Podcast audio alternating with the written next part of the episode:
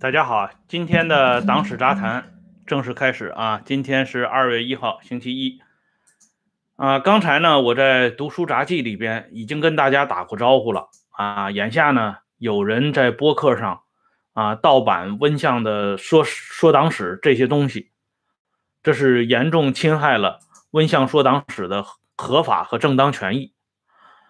欢迎大家呢积极去进行举报。这里我把这个举报的链接给大家发一下。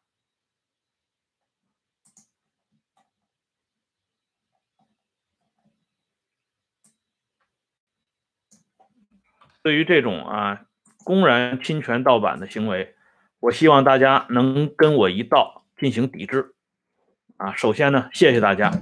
下面呢，我们来开始今天的话题。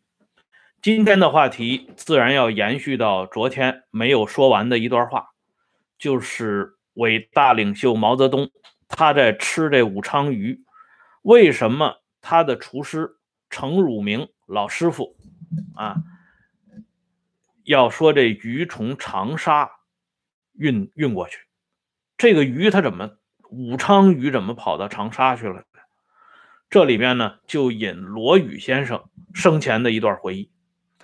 他的这个回忆很短，啊，讲的就是他老父亲大将罗瑞卿，当时负责毛的安全保卫的第一号人物的罗瑞卿，在为准备毛泽东吃这道鱼这个问题上，可以说是煞费苦心，用老百姓的话讲，跑断了腿儿也不为过。首先是这个鱼在什么地方养，用什么样的水，由什么样的人来负责。罗瑞卿对这件事情有一个统筹管理，放在别的地方他不放心，就最后最后啊就选在了长沙，放在领袖的家乡，而且由公安部直接抓这项工作。具体怎么来处理啊？罗宇先生没有提，所以我们也不知道。但是从这里边呢，啊，我们就可以看到，领袖无非是要吃这么普普通通的一条鱼，可围绕着这条鱼产生的一系列的费用有多大，投入的人力资源有多少，这一点。已经不能简单的用这条鱼的价格来形容了。换句话说，这条鱼的内涵非常丰富。那么，我们就可以啊，由此就可以看出啊，围绕着领袖的吃吃喝喝，大家都在忙碌什么？关于这个鱼的问题，还有一一个重要的回忆啊，这是毛晚年身边的一个重要角色。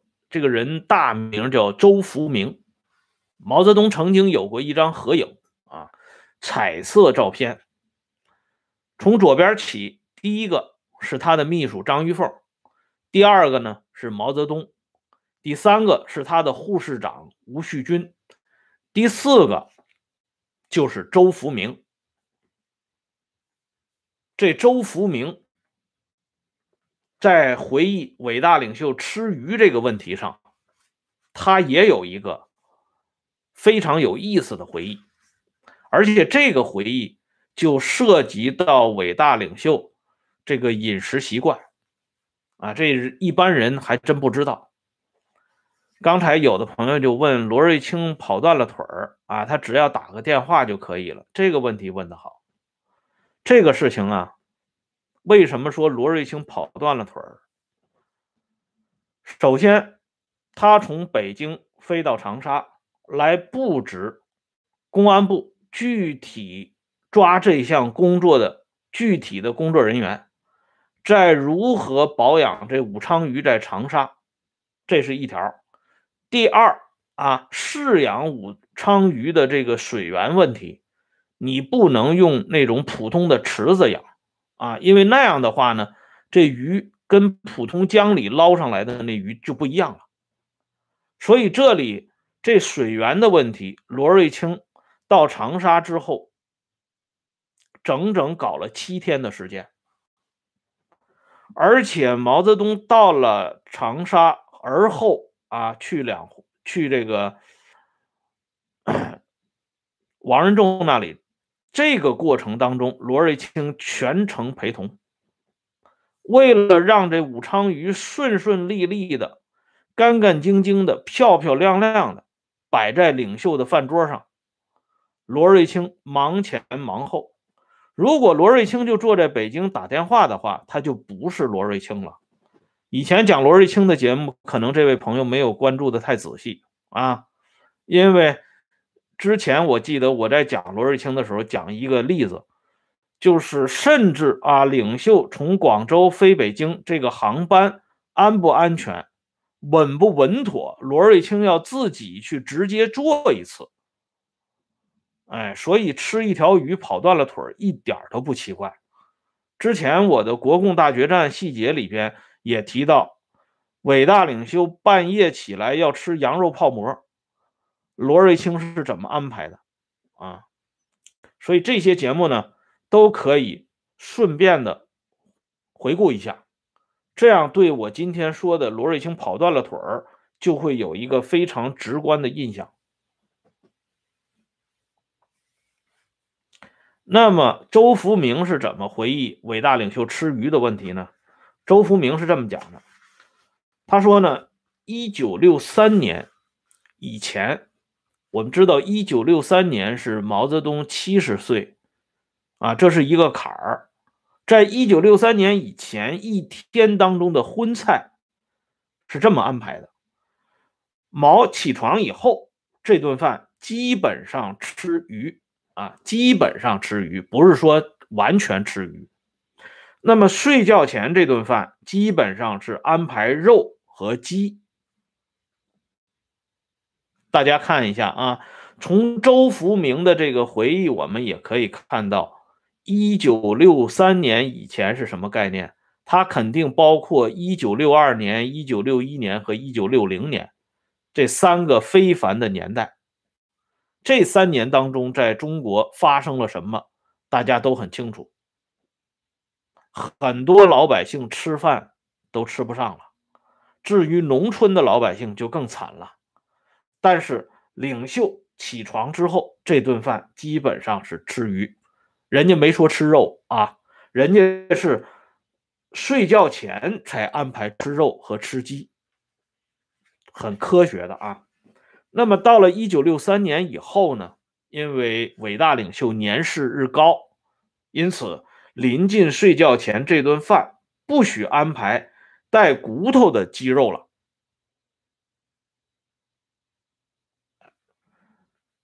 所以呢，把他们安排到睡觉以后的那顿饭了。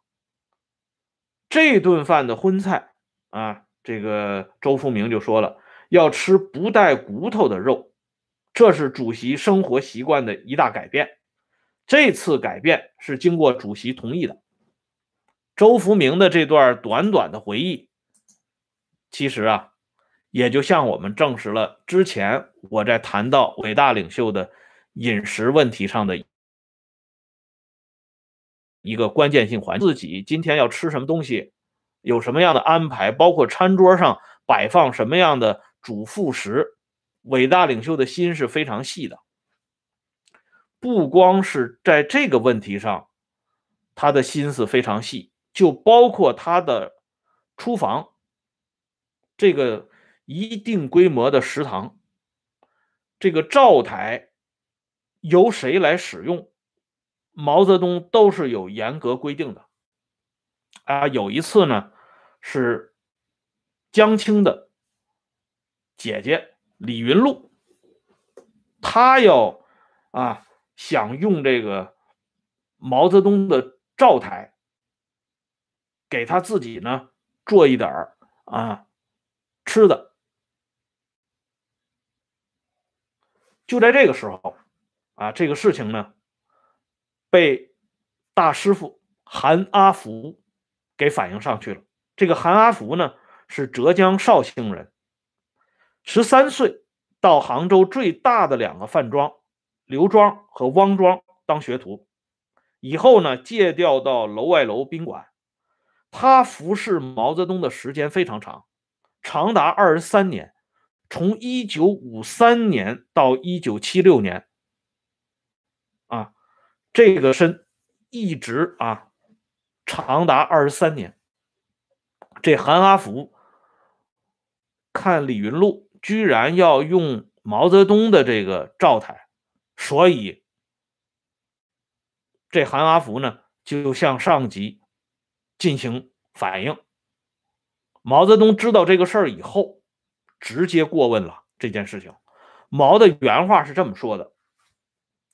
毛泽东说：“不行，那个灶台是我的，是人民给我的，不是你们的。”啊，这是伟大领袖当时说的原话，全文来自于《毛泽东保健饮食生活》这本书，这是公开出版物啊，大家可以去查对一下。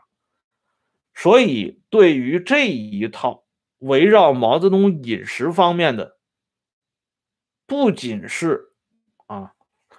有一套完整的系统，而且在这套系统之上，还有一个高高在上的总监督员。这个总监督员就是咱们的伟大领袖。因此，我们在看罗瑞卿为了一条鱼跑断了腿儿，就一点都不奇怪了。你不敢不跑断了腿儿，因为在你之上有一双。炯炯有神的大眼睛一直在关注着你，即便是跑断了腿儿，最后啊落也落得那么一个下场。如果当时只在家里打打电话，估计脑袋都没有了。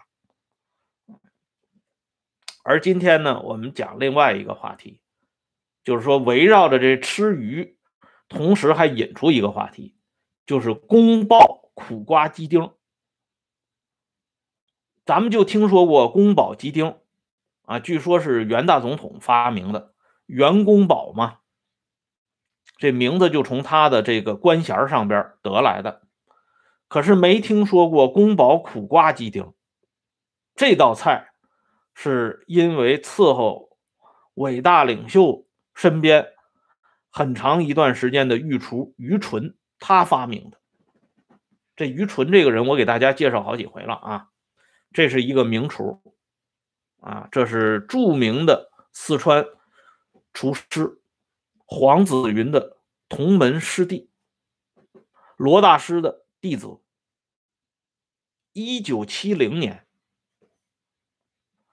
当时已经是七十七岁高龄的毛泽东到外地，早晨突然起来，啊，这领袖呢？这个需求跟一般人不一样，他每天的需求也不一样，所以李锐之前有过一个回忆，有些人不相信，但是如果一会儿我给大家讲了这个啊段子以后，我相信你们就会有一个更新的看法了。李锐不是说吗？伟大领袖一起身，这服务人员问领袖想吃什么，领袖就说想吃熊掌。这领袖啊，每天起床之后想吃的东西都是不一样的。那么，一九七零年的这一天，伟大领袖起来之后，他想吃宫保鸡丁。当时啊，不到凌晨五点钟，这一天领袖这个休息的时间很有意思啊。一般呢，这领袖是晚上工作。白天睡觉，而这一天不知道是动了哪根筋了，凌晨五点前后提出来要吃这宫保鸡丁。这个呢，按照周福明的解释，也基本符合，因为周福明说睡觉前要吃肉或者吃鸡，这可能凌晨五点钟左右是领袖要睡觉了，所以呢要吃这宫保鸡丁。他这边一招呼不要紧，那铃声一响，御厨于纯就得赶紧起身，就要做这个宫保鸡丁。领袖凌晨五点钟，啊，精神头还可以，可是于纯凌晨五点钟，那正在睡觉呢，迷迷糊糊的就起来了。啊，感谢这位朋友啊，因为大家也看到了，这个温相说党史从二零一八年十一月二十五号开始做这节目，做到今天。是我自己一点一滴的啊搞起来的，没有说有哪个人具体来帮我把这节目怎么来运作，没有，就我一个人。只不过呢，在有些技术方面，我这人技术也不灵，在技术方面，有些朋友很热心对我进行一些指导，而且我这直播大家也看到比较简陋，啊，呃，也没有什么特殊的图片呢、影像什么的。就是把这些公开出版物呢，向大家一一进行展示。可是有的人呢，居然就不劳而获，坐享其成啊！他居然把我这节目变成音频，放在播客上播放，他自己获利。我觉得这种人已经突破了做人的底线，太可耻了。并且呢，昨天我在发布这个消息之后，这个人还在继续上传我的节目。我相信今天可能如果不制止的话，他还会继续上传。哎，天底下居然就有这种人，而且肯定是咱们的同胞啊，这肯定不是外国人，对吧？哎，所以我个人啊，在这里，我希望有良知、有底线啊、有情怀的朋友们，在这个问题上和我一道来反对这个盗版，反对这个侵权。啊，我把这个投诉的链接再给大家发一下，希望主持公道的朋友们呢，一起跟我一道啊进行投诉，不能让这种行为就这么肆无忌惮的延续下去啊，太不像话了。那么我们现在啊，还回到刚才说的这个话题，这于纯呢，凌晨五点钟就迷迷糊糊的起来了。起来以后呢，在做这宫保鸡丁的过程当中，因为他这还没睡醒啊，啊，所以呢，这个人呢，他这精神头就不足。为什么呢？这个不用解释了，对吧？那凌晨五点钟，谁的精神头能那么足呢？由于他精神头不知足啊不足，结果呢出了一个重要的差错。这个差错一举改变了这道菜的名字。这道菜不叫宫保鸡丁吗？这于纯一出差错，这菜呢就改成宫保苦瓜鸡丁了。这叫事故啊啊！这叫安全事故啊，甚至可以上升到政治事故，因为我们知道，公元一九七零年呢是文化大革命时期啊。你把那报纸上的伟大领袖的那图像做到自己屁股底下，都可以打成现行反革命的。你用钉子把领袖的图像钉在墙上，那钉子恰好钉在领袖的那那个眼睛上那个部位的话。也可以打成现行反革命的，那真的是抄家灭门的罪行啊！这宫保鸡丁变成宫保苦瓜鸡丁，别看你长期在领袖身边转悠，你是御厨，一样也要承担责任。这个事情啊，究竟是怎么一个啊来龙去脉呢？咱们留待明天接着说。感谢朋友们上来收看和支持啊！欢迎大家持续关注“温相说时政”会员频道，每天都有更新。啊，最后呢，啊，感谢朋友们刚才啊对这个我这频道的支持，大家一道呢去反映这个侵权的现象，让这种现象呢变得越来越少，也让我们这个环境呢越来越清静。好了。今天的节目呢就说到这里，一会儿啊就说习惯了，还一会儿呢啊，我们明天再见。